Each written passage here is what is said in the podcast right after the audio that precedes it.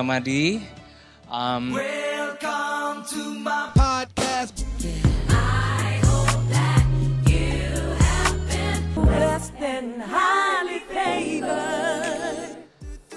Hello, welcome to Preaching Podcast So You Think You Can Preach Bersama gue Denny Gamadi dan hari ini kita bersama-sama dengan tamu yang spesial yaitu Pastor Benny Budianto Yeay! Ye ye ye, halo Dani. Apa kabar you? kok Ben?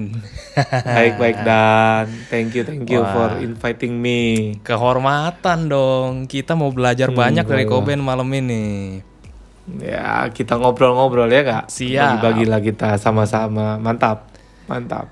Ini kan kita Gimana, Dan? eh, Hmm. tujuan dari podcast ini dibikin adalah untuk memperlengkapi. Iya. Kan banyak teman-teman di sini yang udah jadi ketua sel grup kayak, udah jadi pembimbing di Iya. kampus kayak, udah sega, udah udah preaching ya, baik lu sharing firman Iya. formal atau enggak gitu kan udah ngelakuin kan. Iya. Atau ada yang belum Iya. juga nih, ada yang udah rajin belajar firman, cuman pas disuruh masih malu-malu. Atau ada juga yang yang yang Tuhan kirimkan podcast ini ke kuping lu, padahal lu adalah anak terhilang hari ini. Bisa jadi dong, lu klik link misalnya Iya, kan, lu iya. dengerin hari ini.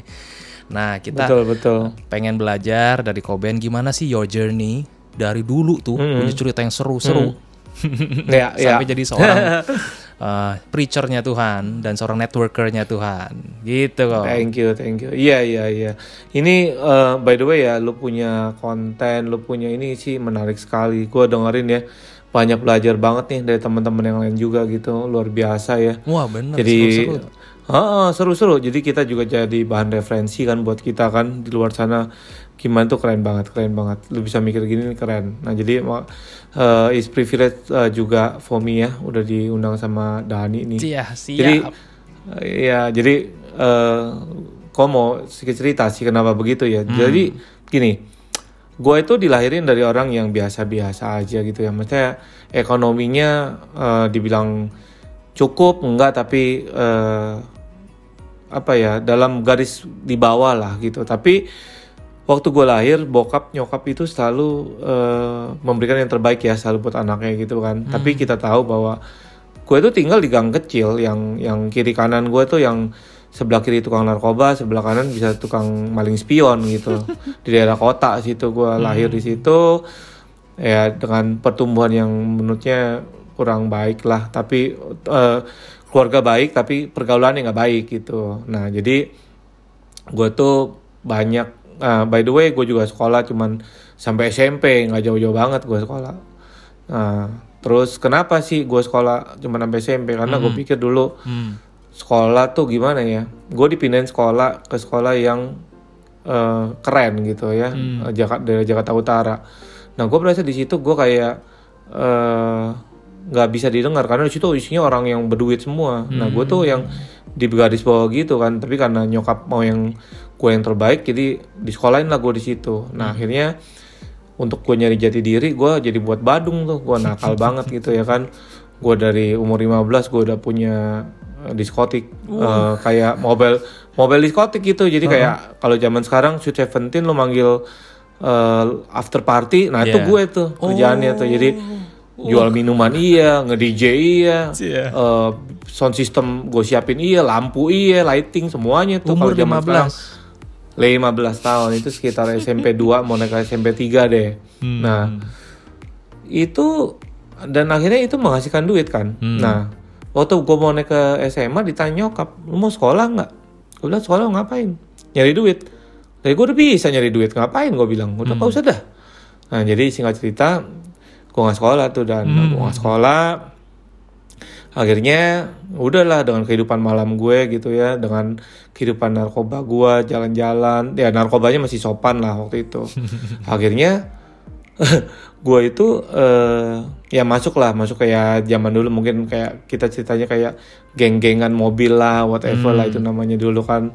Malu juga kalau diceritain tapi ya itu perjalanan ya. Jadi tahun 90-an gitu. Jadi masuk satu eh, area yang kelompok A, kelompok B lah gitu kan. Nah, di situ gue berasa eh gue ini biasa-biasa aja gitu, nggak menonjol gitu. Akhirnya gampang mau menonjol itu ya bikin sesuatu. gue bikin lagi sesuatu. Gue bikin lagi eh, geng model gue gitu yang isinya cuman orangnya narkobaan semua. Nah akhirnya kita ribut sana, ribut sini. Hmm. Nah akhirnya mulai tuh gue masuk ke dalam narkoba yang lebih berat. Hmm. Terus gue megang senjata gitu-gitu deh. Wah. Itu umur umur 16 tuh, 16. Nah kejadian terakhir mata gue buta, gue jadi ribut. Terus eh, mata gue buta dan ada orang gue nggak bisa sebut nama, tapi Hmm. orang ini koma hampir enam bulan Ya ampun.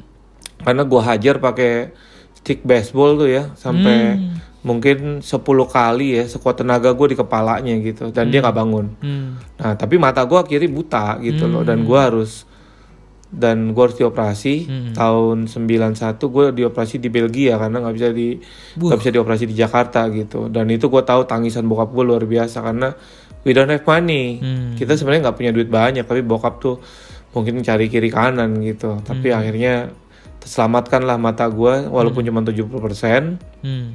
nah tapi gue nggak bisa tinggal di Indonesia dan. Oh ya. karena iya nggak bisa gue tinggal di Indonesia. Karena eh, satu gue diincar sama orang Iya. dua sama polisi iya nah Iya, iya. tinggal di Indonesia pun gue itu jadi di mobil gue nggak pernah sendiri gue selalu ada dua orang di sebelah gue atau minim satu Hmm. itu pasti senjata tajam di badannya dia satu di mobil gue pasti ada senjata api satu nah itu semua rakitan biasalah zaman zaman dulu kalau yang tahun 90-an pasti tahu lah belinya di mana itu Hmm. nah nah tapi eh, singkat cerita itu semua membuat gue harus berangkat pergi ke luar negeri ke Australia waktu itu gue tahun 9 tiga akhir 94 awal gitu. Nah gue pergi itu juga akhirnya nggak sekolah cuma karena menghindar kan. Hmm. jadi waktu gue pergi gue tanya nyokap gue gue bilang mam gue harus pergi ke Australia nih. "Lu ngapain ke Australia? Gue bilang gue mau sekolah. Wah dia bilang lu gila sekolah lu bisa bahasa Inggris aja pulang lu ngapain sekolah? kata dia gitu. Model lu kayak gitu kan. Nah terus nah, jadi akhirnya di Australia gue ngapain you know like eh gue itu pakai nih pakai obat ya. Maksudnya gini gue ngegele itu satu hari 30 sampai 40 batang. Oh ya. one day. Ya karena gue udah berhenti berhenti rokok rokoknya gue ganti gele gitu. Nah I'm using cocaine itu satu hari 2 gram. What? satu hari 2 gram itu eh, maksimum 2 gram Ini di, maksimum 2 udah gram. setelah di Aussie nih ya. Udah di Aussie jadi kenapa gue jatuh ke kokain? Karena gue bikin diskotik dan di sana. Jadi gue selalu balik ke diskotik. Kenapa? Karena gue nggak punya duit. Karena eh apa ya nyokap itu nggak punya uang untuk nyukupin kebutuhan gue nggak mungkin kan? Satu satu hari ganja 30 40 batang satu bulan you have to eh, punya duit tuh kurang lebih 2000-an dolar. Buat itu doang tuh. Yes, nah kokain 1 gram itu dulu 120 dolar, itu harga gua loh, harga bandar gitu ya. Rese- reseller udah 180 dolar, 200, nggak bisa. Nah, jadi gua harus punya duit paling nggak satu hari itu 500 dolar Hmm. untuk drugs doang, ya kan? Nah mau nggak mau gue punya diskotik dong. Nah diskotik itu orang Itali punya, dia dagang kokain, gua dagang gele gitu sama inek. Nah for your information, nah itu barang semua banyak gua ambil ada juga dari eh, Jakarta gitu. Wih, masukin Nah, dari Indo- Indonesia jauh banget. Yes, yes. Karena Oke. Australia barangnya satu eh, nggak bagus, kedua jelek, jelek lah nggak bagus dan mahal. Hmm. Jadi kan gue nyari duit, nyari duit kan gue harus bawa dari dari sumber yang murah dong. Bener. Modal rupiah, modal rupiah jual dolar gitu ya kan. Hmm.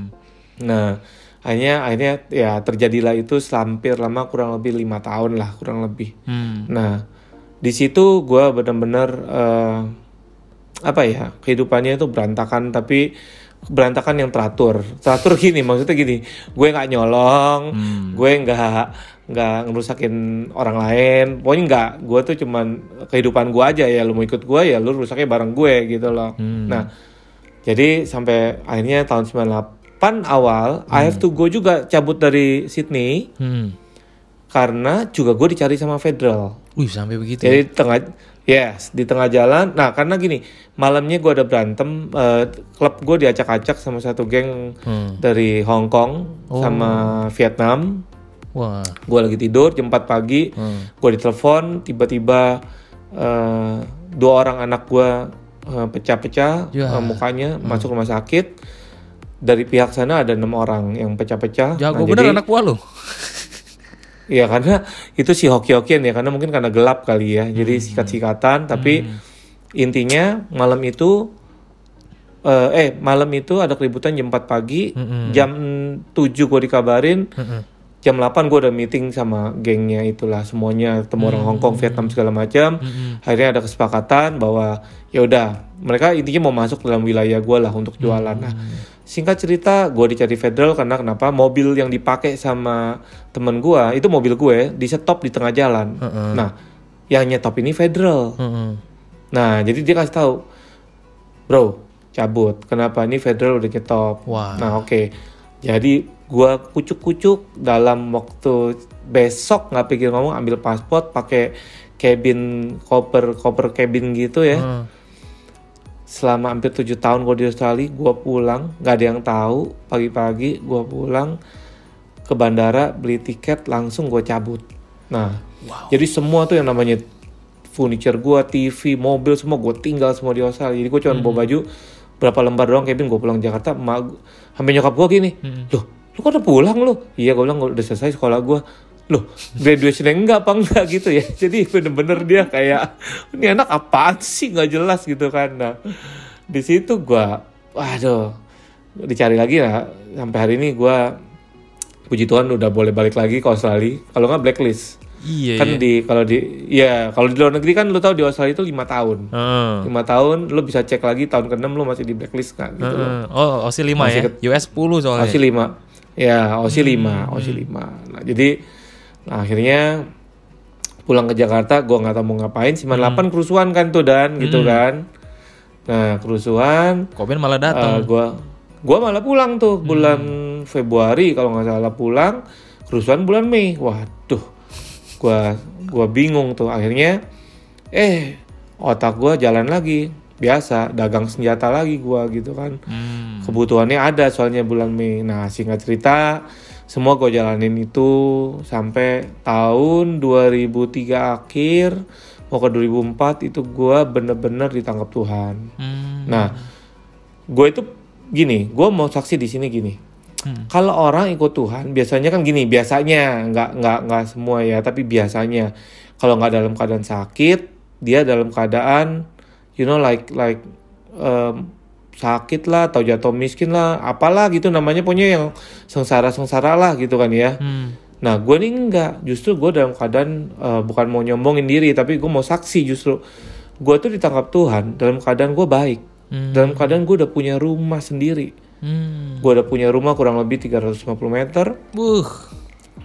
Di daerah Jakarta Barat, bukan daerah ini, daerah yang oke gitu ya. Ya gue sebut lah daerah Permata Buana lah gitu ya. Oke, Puri. Buka- Iya, Puri situ. Lumayan kan, nggak nggak jelek-jelek amat gitu loh. Itu mah. Nah, Mm-mm. Nah terus gue dalam keadaan yang baik, gue punya perusahaan, gue ada bikin film, gue ada bikin interior, kontraktor gitu ya, terus sama ya bisnis-bisnis yang lainnya lah. Nah makanya dari situ gue bilang eh, kenapa gue ke Tuhan? Karena waktu itu gue ada satu peristiwa di mana itu membuat gue kayak langsung bicara ketemu sama Tuhan. Jadi waktu itu gue ada masalah, bokap gue datang nih ke rumah nyokap. Heeh. ditanya lu mau sampai kapan sih kayak gini? Gitu loh. Terus gue sambil santainya dengan ya biasa ngegeleknya gue gitu kan. Ulang lu orang balik deh gue lagi ada urusan jangan jangan terlalu ikut campur gitu loh Hmm. ya udah bokap nyokap gue tuh pulang gitu almarhum nyokap ya terus Hmm. bokap gue tuh kan pincang eh, kakinya pincang eh, maksudnya eh, fisiknya karena dia polio kan kakinya lebih kecil jadi dia pincang gitu Nah, jadi dia turun tangga gue rumah gue turun tangga terus gue anterin sampai mobil nah gue balik ke kamar kayak dia ngomong gitu sama gue Hmm. eh eh, Ben lu tuh udah umur 28 tahun men dia bilang gitu Hmm. lu udah punya semua, lu punya segala macam, punya rumah, punya mobil, udah punya perusahaan, punya ini. Apa yang lu bisa berikan kepada orang tua lu? Nah, itu ya. Gila ini gue kayak kayak ditanya gitu ya. Dan gue tuh orangnya kayaknya bisa ngomong ya. Nggak mungkin gue nggak bisa jawab kayaknya gitu. Hmm. Tapi kali ini gue nggak bisa jawab. Hmm. Nah, gue kayak parno gitu. Waduh, ini apa apa ada yang ngomong apa memang apa? Nah, terus gue mulai cari tahu. Nah, gue tuh orangnya curious. Gue cari tahu, cari tahu, cari tahu. Nah, gue baru ngerti sekarang bahwa itu tuh Roh Kudus gitu loh. Kenapa? Gue diajak ke gereja sama orang waktu itu daerah Senayan. Nah, waktu di gereja itu entah kenapa gue duduk paling belakang kan biasa dong paling belakang lah ya. Nah, tiba-tiba air mata gue turun. Nah, air mata gue turun. Nah, ternyata ada temen SMP gue di situ. Hmm. Dia tanya, eh bro, apa kabar bro? gue bilang, waduh gue langsung gue lagi pakai safari. Gue masih ingat banget tuh ya gue kalau pergi dulu ya, zaman dulu bukannya sombong tapi gue pergi gini nih. Kalau pergi, gue masih pakai safari, senjata itu di kaki kiri satu, Hmm. di pinggang satu, di tas satu. Waduh, banyak Itu gue kalau pergi. Karena gue itu nggak bisa merasa nggak aman. Hmm, hmm, hmm. Karena banyak hal-hal yang gue alamin itu buat gue nggak aman. Karena gue hidup di jalan kan. Hmm, hmm. I've been uh, spend di jalan tuh maybe 15 years, 16 years gue di jalan. Jadi gue nggak tahu mana orang yang gue sakitin, mana orang yang gue nggak sakitin. Iya. Dan dengan pengalaman-pengalaman gue ribut sama orang itu yang dari awal kecil mata gue buta segala macam itu gue nggak tahu mana teman gue mana musuh gue gitu loh. Bener. Jadi gue nggak mau kecolongan dari mana pun. Hmm, hmm. Jadi eh pistol gue segala macam tuh gue eh, pokoknya di pinggang satu, di kaki satu, di tas satu. Nah, Magasin di pinggang kiri biasa gitu. Ada magasin lagi kayak Siap orang udah mau perang dah. Parno banget dah pokoknya dah. Nah, begitu gue dengar eh, di gereja itu ya, gue kayaknya adem gitu ya. Nah terus gue mulai tuh, gue mulai datang ke gereja, gereja gue datang. Nah kalau gereja gue nggak mau duduk belakang, gue duduk depan. Hmm. Wah, soalnya gue pengen denger musiknya, gue nggak pusingin khotbahnya, gue denger lagunya, tenang buat gue gitu biasanya denger lagu ajep-ajep kan gitu loh. nah ini kok denger gue lagu denger lagu ini kok kayak lagu seperti rusa itu aja gue bikin gue nangis banget gitu loh. Baru lagu gitu aja, ya. Jadi gue bilang terus ah, satu kali ada altar call dan ada altar call gue bilang ini kalau gue maju ke depan Hmm. kalau pendeta ini eh, tumpang tangan ke gue peluk gue gue akan atau bukan peluk lah pokoknya pegang pala gue gitu ya Hmm. gue akan akan bertobat deh beneran gue ikut nih karena gue tahu nih pendeta nggak pernah turun biasanya kalau Oh. altar call dia dari atas aja gitu loh Hmm. Nah terus udah eh ternyata dia turun. Karena gue paling depan kan gue berdiri paling depan dong betul Iya. gak Heeh. siapa yang mau maju? Ya gue maju gitu kan gue maju gue tantangin sekalian. Gue pikir ah pengen dari atas? Eh turun loh turun dia peluk gue dia ngomong gini "Eh, anakku berikan mata telinga dan hatimu untuk orang tuamu. Mati loh Wow. iya. Gue langsung jatuh Hmm. gue nggak sadar teman gue bilang lu sih lama lu orang udah bangun lu lu nggak bangun bangun tuh ya. Berapa lama gue gue bilang gitu. Hampir 30 menit waktu itu gue inget karena kelamaan jadi dibawa ke samping tau gak lu? Tapi gue nggak berontak gue cuman cuman diem aja gitu sambil nangis gue diem gitu. Tapi gue inget kata-katanya berikan mata telinga dan hatimu untuk orang tuamu lupakan masa lalumu. Wah. itu buat gua itu bener-bener itu pertanyaan yang tadi itu tuh menjawab semuanya. Hmm. gua langsung pulang gua ambil ember gua cuci kaki ma bapak gua gitu ya.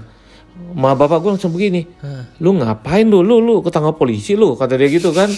Dia kan bingung gini orang tua gue ini kan belum bertobat gitu kan masih masih eh, apa masih apa ya Tuhannya duit gitu ya maksudnya gitu masih ateis dah pokoknya. Hmm. walaupun kakak gue udah pendeta gitu. Jadi dia mau cuci gue bilang enggak mam. Gue pengen cuci kaki gue minta maaf kalau gue udah salah gini gini ah lu lu mabuk apa lagi? kata dia gitu kan. Dengan safarian gue gitu akhirnya akhirnya gue benar-benar cuci kaki dia segala macam gue minta maaf dan gue mulai eh, rajin tuh. Gue mulai minta gue ikut eh, komsel kan zaman dulu komsel segala macam. Nah itu dari 2004 sampai hari ini dan nggak pernah berhenti gue. Jadi benar-benar gue serahin hidup gue eh, sama Tuhan gitu ya. Mulai gue lepas tuh bisnis-bisnis yang tidak berkenan di depan Tuhan gue gue lepas semuanya. Tinggal satu yaitu tinggal interior waktu itu kontraktor. Nah itu pun yang ya ada sogok menyogoknya gue lepas semuanya. Nah di situ justru gue malah bukan tambah berhasil gue tambah jatuh. Jadi mulailah gua Lego satu-satu perusahaan gua segala macam karena kebutuhan gua banyak Mm-mm. tapi kan pekerjaan gue makin gue kurangin. Karena gue nggak boleh ngelobi orang lagi karaoke nih gitu kan. Hmm. Oh, nggak boleh gitu ya. iya nggak boleh ngelobi lagi orang di panti pijit nggak boleh bro gitu ya kan.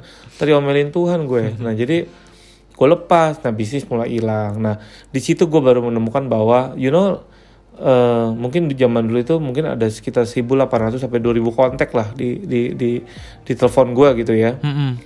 itu nggak ada yang bisa gue bukan nggak bisa gue kontak nggak ada satupun orang yang bisa nolongin gue Hmm. Nah, tapi gue tahu bahwa memang sebenarnya ini eh apa ya Tuhan mau beracara lah sama gue. Tapi untungnya nih dan ini buat teman-teman yang dengar juga ya. Mm-mm. Gue punya mentor, gue punya temen, gue punya komunitas Nah itu. yang nggak pernah lem nggak pernah lepasin gue gitu loh. Mm-mm. Itu penting banget. Nah, memang ini kelihatannya anak-anak ini baru, nggak tahu gue Mm-mm. gitu ya. Tapi mereka cuman taunya satu, ini anak bajigur nih dulunya gitu kan, jangan sampai lolos aja pokoknya gitu loh. Mm-mm. Jadi dan gue inget banget hari itu eh, waktu gue cuci kaki nyokap gue gitu ya, Mm. Gue pulang ke rumah gue bilang ini gele gue terakhir nih, gue bakar dua batang jeret, gua gue hantem dua batang gitu kan. Udah nih gele gue terakhir nih, udah. Gele gue terakhir gue bilang Tuhan, kalau gue sampai berhenti, gue mati nih, karena lu bayangin Iya. selama 14 tahun 14 tahun gue konsumsi segitu banyak gue nggak gila aja udah bagus. Iya. Nggak tolol aja udah bagus kan Gila, bener banyak gak? banget lo ngele tiap hari. Ha. yes belum kokainnya belum inek gue nggak hitung lah males banget gue hitung gitu belum minumnya gitu ya Mm-mm. nah Badan lu sih kuat pergi loh. ke- oh kuat makanya yang gue pertama kali lakukan adalah satu gue bilang gue jangan direhab Hmm. gue minta muji dari Tuhan sampai hari ini gue nggak pernah direhab puji Tuhan gue nggak pernah direhab Tuhan. itu itu orang bilang gila nah gue ke Singapura Mm. Gue cek ke dokter Singapura dokter Singapura cuma bilang gini Haya Benny dia bilang. Lu itu umurnya baru du- 28 29 waktu itu. Mm. tapi kayak kayak dicek itu kayak umur 60 jadi detak jantung gue pelan otak gue pelan terus eh, apa ya terus gue nggak gesit gue nggak nggak refleksnya nggak nggak cepet gitu loh. Kayak orang tua kayak iyalah orang gue mabok mulu gitu ya kan. Nyantai hidupnya slow aja gitu slow. Nah akhirnya puji Tuhan gue nggak nggak direhab tapi gue ambil yang namanya olahraga. Gue masuk uh, celebrity fitness gue ambil Reebok University. Nah di Reebok University itu gue ditanya mau ngapain. Nah gue bilang gue ini gue kasih tahu background gue begini. Oke berarti apa yang lo mau? Mau badan gede apa badan enggak gue mau otak gue balik. Oke. Jadi yang dipelajari adalah semua itu kayak eh, olahraga yang sifatnya motorik jadi otak kiri otak kanan jadi contohnya kayak gue berdiri di bola Hmm. gue ngangkat ngangkat barbel 2 kilo tangan kanan tapi berdirinya kaki kiri satu kaki naik turun naik turun gitu loh Hmm. itu empat tahun gue lakukan itu puji Tuhan sampai hari ini gue nggak bego gue nggak gila nah tapi gue tahu juga itu pasti berkat doanya teman-teman gue sama sama Tuhan lah ya berkati gue gitu loh nah Hmm. nah makin dalam lagi makin dalam lagi gue tuh sering banget yang namanya pelayanan dari pagi sampai sore kenapa karena gue merasa di dalam rumah Tuhan itu gue lebih damai daripada di luar bayangin Hmm. bertahun-tahun gue hidup dengan senjata Hmm. dengan senjata aparat senjata aparat Hmm. urusannya begituan mulu di gereja gue nggak butuh senjata gue nggak butuh aparat Hmm. betah bener gue namanya di gereja dari pagi sampai malam gitu loh Hmm. nah waktu itu masih bujangan nah akhirnya gue saking cintanya gue ngajuin jadi pengerja ikutin tes ini kom lah segala macam pokoknya gue lewatin semua itu sampai di satu titik gue eh, mulai belajar sharing di komsel komsel gitu ya. Mulai ya hal yang kecil lah. Gue cuman kesaksian kesaksian hidup gue gitu kan. Gimana gue hidup gimana Tuhan tolong gue gitu loh. Nah tapi ternyata banyak orang yang mungkin ternyata nggak ngalamin apa yang gue alamin gitu loh. Hmm. Ah, jadi gue sen gue cuma seneng gini. Waktu itu ada satu kesaksian eh, anak muda gitu ya lebih muda dari gue gue juga masih muda. Nah, dia lebih muda aja gitu. Cuman dia lagi itu lagi susah usahanya. Waktu itu dia di usaha airways kalau gue sebut pasti kalian tahu gitu. Nah dia bilang Koben ini gue gini gini gini gini gini. Gue bilang gila ini anak orang kaya punya perusahaan airways ngapain nanya gue? Gitu kan. Nah tapi terus gue kasih tahu eh lu doa sama Tuhan gini. Terus menurut gue ya di luar dari rohani lu juga harus butuh eh, pandangan sekuler gue bilang. Nah kalau pandangan gue seperti ini ini ini nih nah gitu. Nah ternyata dia bilang gini satu kata yang dia dia bikin membuat gue tuh terkagum-kagum sama Tuhan dia bilang gini aduh Koben apa yang lu omongin tuh gue butuh banget Hmm. Lah, dalam hati gue ini anak sekolah di luar negeri S2 Hmm. terus punya perusahaan yang gue nggak bakal bisa touch yang tinggi banget Hmm. tapi dengan omongan gue itu nasihat gue dia bilang ini yang gue butuhkan jadi ternyata pada satu titik manusia itu nggak cuma butuh pen- bukan cuma butuh pendidikan Hmm. Tapi mereka juga butuh apa yang sebenarnya mereka belum pernah rasain sebelumnya Hmm. contoh gue ini pernah digebukin 12 orang ya Edan. dalam posisi tersudut gue nggak pernah di, gua nggak pernah bisa lihat buka mata gue kalau hari itu gue ditembak mati atau ditusuk gue mati Hmm. tapi gue nggak pernah rasa takut Hmm. nah takut setelah gue udah selesai ber- eh, urusan itu nah mental gue itu gue lempar ke dia nah Hmm. ternyata posisi dia walaupun dia mungkin banyak duitnya segala macam nah dia nggak pernah dapet tuh situasi yang kayak gitu tuh dan Iya. yang buat dia tuh wah gue bakal mati nih kalau begini nih Heeh. gue bilang kalau gue matinya digebukin nih kalau dia enggak dia kalau hilang perusahaan ini mati nih kata dia Iya. gitu nah nah mentalnya yang gue ajarin bukan gue ajarin gue kasih nasihat tuh di mentalnya dulu gitu loh Hmm. mental jangan takutnya itu tuh Iya. nah nah di situ gue berasa waduh kok padahal ini kan mentalnya beda dia sama gue gitu kan Heeh. Nah, tapi kan pengalaman itu membuat dia terbuka, oh iya ya, semua itu pasti ada jalan keluarnya. Hmm. Walaupun kita dihimpit dengan masalah, pasti ada jalan jalan keluarnya. Mm-mm. Nah, tapi lu harus berpikirnya dalam keadaan tenang. Nah, Hmm. Jadi waktu itu gue bilang gini sama dia, lebih baik lu kehilangan segalanya, tapi lu jangan pernah jual kehormatan. Tanda kutip gini, integritas itu lu jangan jual. Mm-mm. Tapi kalau Tuhan mau ambil perusahaan lu, Tuhan mau ambil segala bisnis yang Tuhan eh, kasih ke lu, nggak apa-apa. Yang penting lu jangan jual integritas. Kenapa? Karena kalau lu udah hilang integritas, lu nggak bisa bangun lagi tuh. Mm-mm. Nah, jadi eh kenapa gue bilang gitu? Nah, contoh misalnya gue itu waktu bertobat, bertobat itu semua orang bilang gue gila. Ini si Benny gila. Kalau nggak gila, dia eh bangkrut karena eh, ikut Tuhan. Kan ikut Tuhan gitu. Hmm. Dibilang gila karena gue ekstrim. Nah, tapi gue bilang sama sama temen gue ini, gue tidak pernah menjual integritas gue. Sekali gue ikut Tuhan, gue ikut Tuhan. Jadi gue walaupun susah segala macam pun, gue nggak pernah nipu, gue nggak pernah nyolong, gue nggak pernah ngapa-ngapain. Nah, gue lakukan apa pun yang di depan mata gue, gue lakukan. Nah, itu membuat orang jadi percaya sama gue. Nah, dari kepercayaan itu, gue mau buat apa pun, sampai kemarin gue belum memutuskan menjadi full heart di gereja, Mm-mm. apa pun yang gue lakukan, gue itu dipercaya orang. Mm-mm. Makanya gue punya perusahaan konsultan dan, Mm-mm. nah, gue pernah, kenapa gue berani ngomong gitu? Gue pernah ditanya sama perusahaan gede gitu ya, properti ditanya, Benny lulusan mana? Gue bilang saya S2. Wah S2 di mana di Amerika? Enggak, gue S2 gue SD SMP. Kaget nggak ada yang percaya. Kenapa? Dikira karena bercanda, gue, iya, karena gue itu bener-bener nggak bisa. Eh, apa? Gue bener-bener nggak sekolah. Tapi semua ide itu bisa datang aja begitu aja dari gue. Contoh, Hmm. Misalnya gue punya arsitek, ada tiga. Misalnya kita gambar nih, dapat klien. Arsitek gue gambar, satu orang satu. Gue versi gue. Nah, karena gue nggak bisa pakai eh, laptop segala macam gitu ya, pakai komputer. Gue suruh satu daftar gue bikinin. Ini gue punya eh, mau gitu ya, gue punya desain gitu. Mm-mm. Tahu nggak? 80% Kita presentasi, yang diterima pasti gue punya. Wuh. Wah. Itu believe it, believe it or not. gua nggak tahu kenapa. Jadi gua cuman tahu ternyata orang itu kadang beli eh, taste-nya kita, Hmm. selera, cara berpikir itu dia dia beli itu. Nah itu konsultan tuh. Nah Benar kok. anyway balik ya Ini F&B konsultan.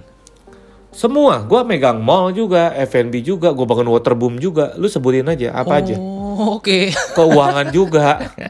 kan gua Klub gue yang ya? presentasi itu proper- klub juga. Klub itu sebagian dari F&B. Jadi kalau terakhir Iya. kan Dani ada gua share yang di YouTube gue tuh ya. Nah, Hmm. itu gue juga buat. Itu 2000 meter, tiga lantai, gua selesaikan dengan waktu 8 bulan. Hmm. Gue cuma butuh 8 bulan. Gue cuma butuh waktu eh, ngedesain itu. Gue bilang sama ownernya kasih gue seminggu. Gue ke Bali tiga hari tiga malam. Gue di Ubud. Gue santai. Gue cari ilham. Dapat gue gua presentasi. Terus eh, partner bukan partner. Jadi eh, tim gue presentasi. Nah yang diterima gue punya gitu loh. Hmm. Nah, baru di situ tim tim profesionalnya semua turun. Jadi semua kan dimulai dari ide awal dulu, baru kita bisa eksekusi gitu kan. Hmm. Nah, jadi dari gua ngerjain dari pegawainya satu sampai waktu itu tempat itu berdiri, pegawainya udah 350 tuh semua gue yang cari. Uh. Semua. Jadi itu benar-benar Tuhan tuh eh, bekerja luar biasa. Hmm. Gue sampai tanya gini, orang nanya gini, eh, Tuhan kok bisa ya? Terus gue juga tanya, suka gue bercandain gitu. Hmm. Iya bisa lah, soalnya 28 tahun gue nggak pernah pakai otak gue gitu loh. nah baru gue bertobat, baru gue pakai tuh otak, makanya gue bisa mikir. Dulu gue nggak pernah mikir, nggak pernah gue pakai tuh otak buat mabok mulu soalnya gue. Nah tapi ujungnya selalu gue akan ngomong gini, semua itu Tuhan yang kasih. Hmm. Dan setiap kali gini dan kalau konsultan tuh gini, setiap kali tempat barang itu jadi, Hmm. tempat itu jadi milik milik orang itu kan, bukan Hmm. milik kita kan, kita konsultan aja kan. Heeh. Nah kontak itu selesai ya, Heeh. itu gue sedih banget, kayak rasanya, aduh ini gue yang bangun ya. Nah perasaan memiliki itu gue tuh sampai sekarang udah gak ada rasa itu lagi. Hmm. Nah, jadi kalau Jakarta beberapa restoran kalau teman-teman ada yang tahu gue tuh ya beberapa ya, itu kalau makan restoran nih man Jakarta sama gue duduk gitu ya. Kadang-kadang udah ada yang bayarin. Hmm. Eh, waitersnya atau manajernya dulu bekas anak buah gue di restoran mana gitu. Hmm. Kenal Jadi- semua ya. Dekat ya? Kenal karena Hmm. ya bayangin dari satu pegawai sampai 300 pegawai gue. Jadi total kalau gue bangun restoran itu mungkin sekitar 2000 sampai 3000 2000 sampai 3000 waiters lah Wow. yang pernah gabung sama gua gitu. Kalau koki sekitar 200 sampai 300 koki lah mungkin Hmm, hmm. yang Wih, pernah gabung banget. sama Iya, karena kan berapa restoran yang kita udah bangun gitu ya. Hmm. Nah, sampai terakhir gue juga bikin waterboom, gue bikin eh, ada ya mall-mall lah kecil-kecil, gue nggak mau sebut nama tapi ada mall-mall.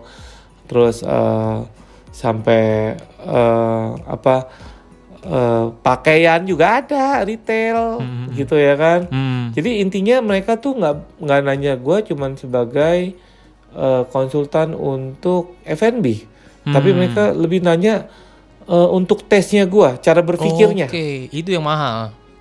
Yes. Hmm. Nah, itu gua bilang itu dari Tuhan. Semua hikmatnya dari Tuhan. Gua sampai hari ini aja terbingung-bingung. Gua juga nggak nggak nggak tahu dari mana itu. Nah, Hmm. anyway, karena gua bertobat, bapak gua bertobat. Oh ya.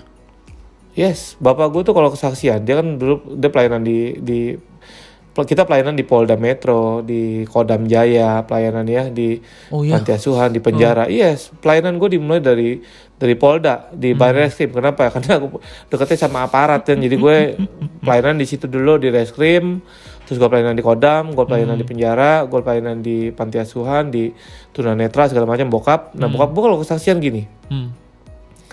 saya bisa bertobat karena anak saya yang gila bertobat. Berarti Tuhan yang di dalam dia itu hidup. Hmm. hmm. Soalnya sampai gila nggak ada yang bisa bikin tobat dia. Berarti Tuhan dia benar. Kalau dia benar, berarti gue mau ikut Tuhan dia. Nah gitu tuh kalau bokap gue kalau cerita gitu ya. Nah kenapa gue juga become a preacher? Karena sebenarnya gue cuman seneng ngomong. Hmm. Kelebihannya gue itu cuman satu, ngomong. Gue nggak bisa punya kelebihan apa-apa dari sekolah SMP itu nggak bisa punya skill apa pun. Gue punya skill itu gini tapi apa yang gue omongin itu pasti gue lakuin. Hmm. dan apa yang gue omongin pasti udah pernah gue la- gue lakukan. Hmm. jadi gue nggak pernah ngomong yang gue belum pernah lakuin. Gue nggak mau. Nah. Jadi makanya kalau gue preach atau gue khotbah di atas mimbar gue selalu ngomong apa yang udah pernah gue lakuin. Hmm. kalau nggak gue nggak berani. Hmm. beneran gue nggak berani. Mendingan gue dengerin firman dari orang lain terus gue modifat versi gue gitu ya. Mm-mm. gue belajarnya gitu. Tapi yang pasti gue udah lakuin. That's wha- uh, that's gimana caranya gue nge-preach tuh gitu. Gue cuman mau nge-preach apa yang udah pernah gue lakuin gitu. Hmm. even though misalnya gue ngomong soal ke- kepemimpinan gitu. Hmm. yes gue pernah punya 2000 waiters kan? Gue pernah dalam posisi itu. Hmm. dan gue pernah rasanya harus lepas 2000 waiters itu karena because I'm just consultant. I'm not the Iya. owner kan? Hmm.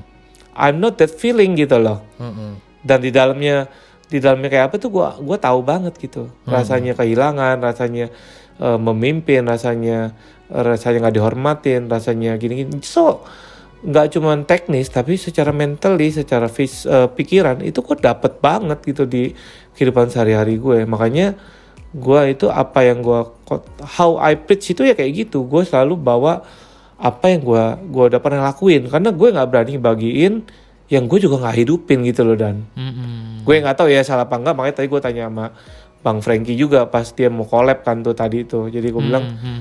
salah nggak sih kayak gitu ya kan? Karena di di luar dari basicnya sourcingnya pasti Bible ya Alkitab.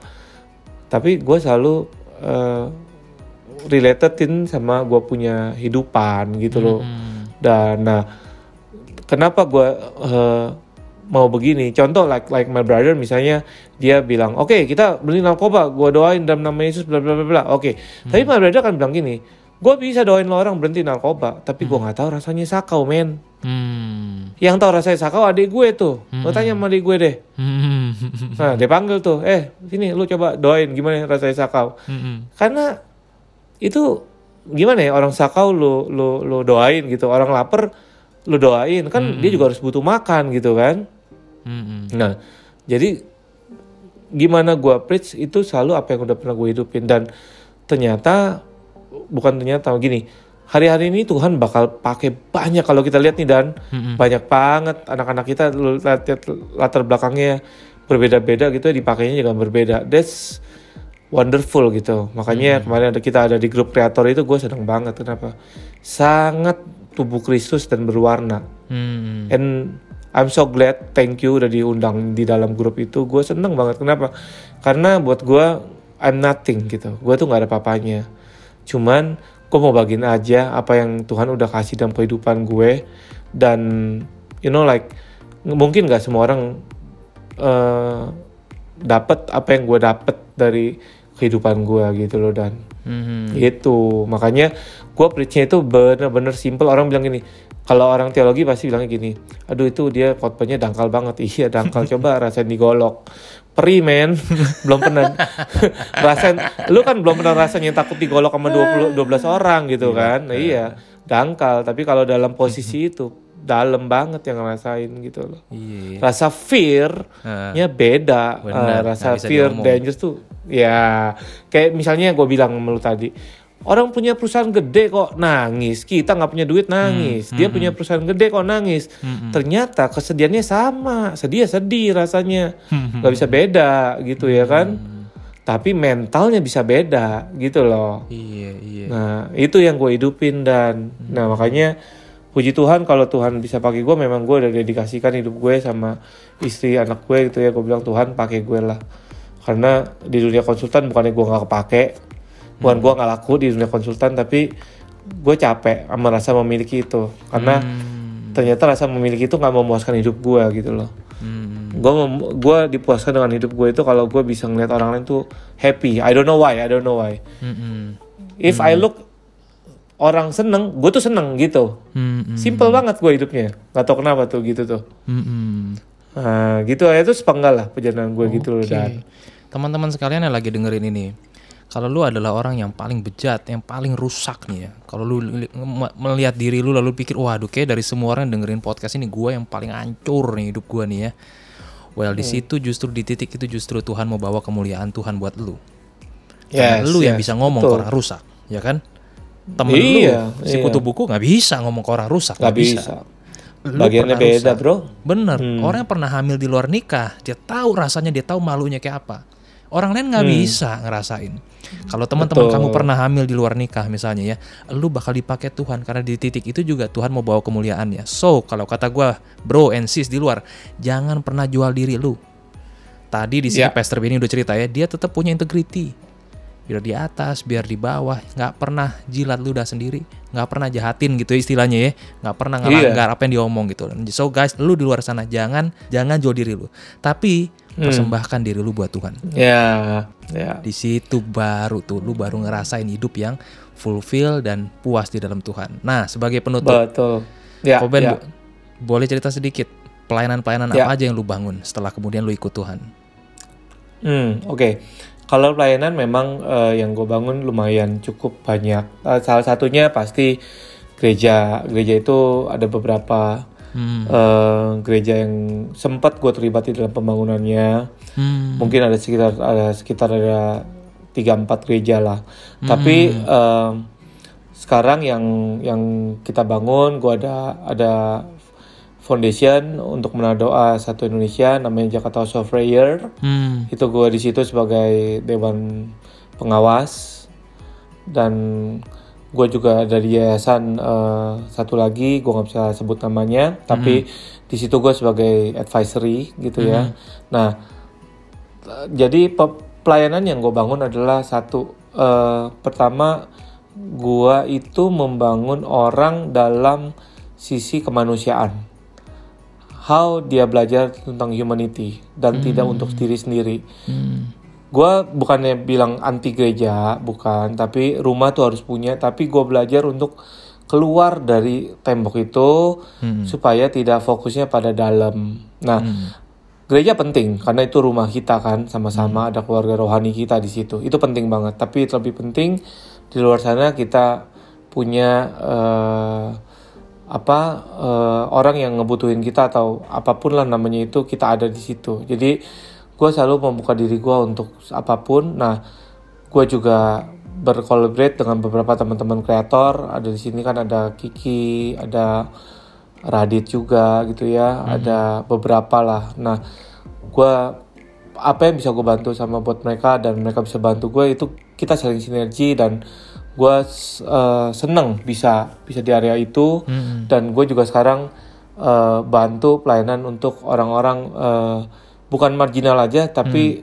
khusus yang gini nih yang mimpinnya masih setengah uh, ragu. Nah itu gue seneng tuh ketemu kayak begitu karena biasanya butuh orang yang nekat-nekat gitu kan. Nah gue orang yang uh, anyway uh, my wife itu ini mungkin kalau podcast ini gue boleh kesaksian ya. Mm-mm. Mungkin tiga perapat harta gue udah gue habisin untuk ministry gitu loh. Wow. bukan setengah tapi tiga perapat perempat. mungkin.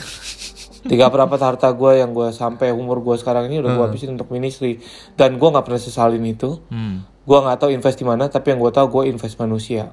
Dan gue lihat eh, invest orang itu nggak pernah salah.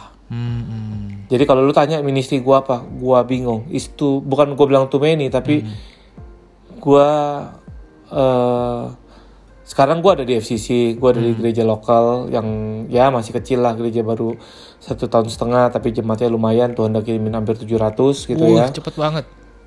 Iya, karena memang kan eh, bukan orang-orang baru, orang-orang lama, tapi eh, kita bina. Tapi eh, satu, gue pengen banget berbagi sama yang muda-muda. Jadi makanya waktu itu gue ketemu sama brother kita Paulus, Hmm. Em, pas eh, ada Bro Radit juga, jadi gue diundang ke kreator. Nah, karena gue orangnya seneng ngebangun, intinya begitu. Jadi kalau lu tanya pelayanan gue apa, apa aja, gue gua gue sikat. Tapi kalau lu tanya gue eh, sekarang gue ada posisinya di mana? Mm-mm. Tentu hati gue ada di satu rumah gue di FCC, Mm-mm. kedua gue ada di Jakarta House itu menara doa nanti bakal jadi ini karena tertunda karena corona aja itu tujuh lantai Hmm. dan akan dibuka menara doa 24 jam di daerah Tamrin sana Hmm, hmm. dekat belakangnya Plaza Indonesia. Nah itu kita ada buka itu Nah juga gue juga melayani orang-orang yang berkebutuhan khusus tunanetra.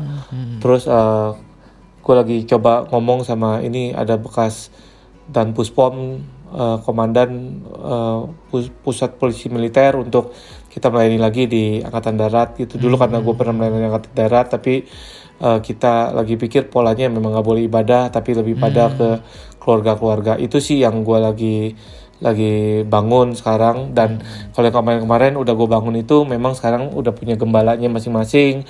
Udah punya pemimpin-pemimpinnya. Jadi gue lepas. Nah biasanya gitu udah ada pemimpinnya udah ada ininya gue cari lagi yang lain. Gue gitu. Gue nggak terlalu gue kekepin gitu loh. Jadi kayak tapi gue punya rumah sekarang namanya FCC gitu bro. Gitu. Bener. jadi gue open lah buat orang-orang kayak ke tukang apa bukan tukang ya maksudnya eh, kadang gue ngomong di F&B di tukang-tukang kopi. Gue ngomong. Kadang-kadang klien gue sama aja bu. Klien itu kadang-kadang ngomongin bisnis ujung-ujungnya apa? Curhat juga sharing juga masalah dia gitu. Ya udah jadi satu sekalian gitu ya kan? Bener. gitu dan gitu loh. Bener. Oke kalau gitu. Teman-teman sekalian, kalau lu orang dengerin podcast ini di masa pandemik COVID, bersiap-siaplah. Karena setelah pandemik selesai kita siap lagi maju buat revival. Bakal banyak Yes. orang-orang yang selama pandemi ini kan panik di rumah dan mulai sadar hidup kita Ya. ini kita nggak bisa bergantung. Amerika nggak sanggup ya kan ya Rusia, Iya. China semua nggak sanggup orang bakal ngeliat lagi gua butuh Tuhan nah waktu mereka cari Tuhan apakah lu siap buat nyampein firman Tuhan kepada mereka pelayanan ini Yes. luas bidangnya banyak Pastor Benny Budianto udah sharing ke kita segala macam yang dia bangun manusianya dan dibangun manusia Iya. itu yang paling kuat cuma satu yang bisa ngebangun manusia ses- sesungguhnya yaitu firman Tuhan kenapa karena Yes. dalam firman Tuhan ada berita tentang Yesus Kristus dia yang akan nebus orang, redeem orang jadi baru dan siapin orang itu untuk hidup yang kekal nanti di sorga. Oke, thank you banyak Koben. Thank you dan thank, Thank you, you banget for Wah. your kesempatan ini aduh. Kita eh, senang dengan kayak ini lagi masa di pandemi corona ini ya. Jadi memang buat teman-teman yang lagi di masa-masa ini don't worry. Hmm. Badai pasti berlalu, Yes, ya kan? benar. Memang eh, eh, apa ya? Gue bilang selalu gini. Mm-mm. Inilah saatnya memang kita dekat sama Tuhan, tapi juga jangan berhenti stop bertindak gitu karena Hmm. sekecil apa pun pertindakan itu eh, pasti membawa berkat buat banyak orang gitu. Hmm. Itu sih gue selalu bilang gini, Tuhan ini susah loh, Tuhan ini begini loh, ini Tuhan ini begini. Eh Tuhan kan nggak pernah nyobain kita sampai kita tergeletak kan bro, gitu ya kan. Iya. Dan justru melalui ini percaya sama gue ya, iya semua orang pasti tahu lah Tuhan ini banyak. Nah siap-siap nih kita yang mau dipakai Tuhan, yuk ready. Jangan juga ini jaga kesehatannya supaya kuat, supaya terus bisa nanti nyampaikan firman apa kok kabar baik ya firman Tuhan ya Iya. semuanya ke dunia ini. Benar, benar. Thank you Dan, thank you Oke. for your Thank you gue yang thank you banyak Koben. Gue yang thank you banget. Enggak lah. Bisa ngobrol. Sama-sama kita. Siap. sama-sama, sama-sama siap. Oke teman-teman sekalian, this is the end of the podcast. We check out gue Denny Gamadi bersama Pastor Benny Budianto. Thank you Dan. We check out and God bless you. Bye.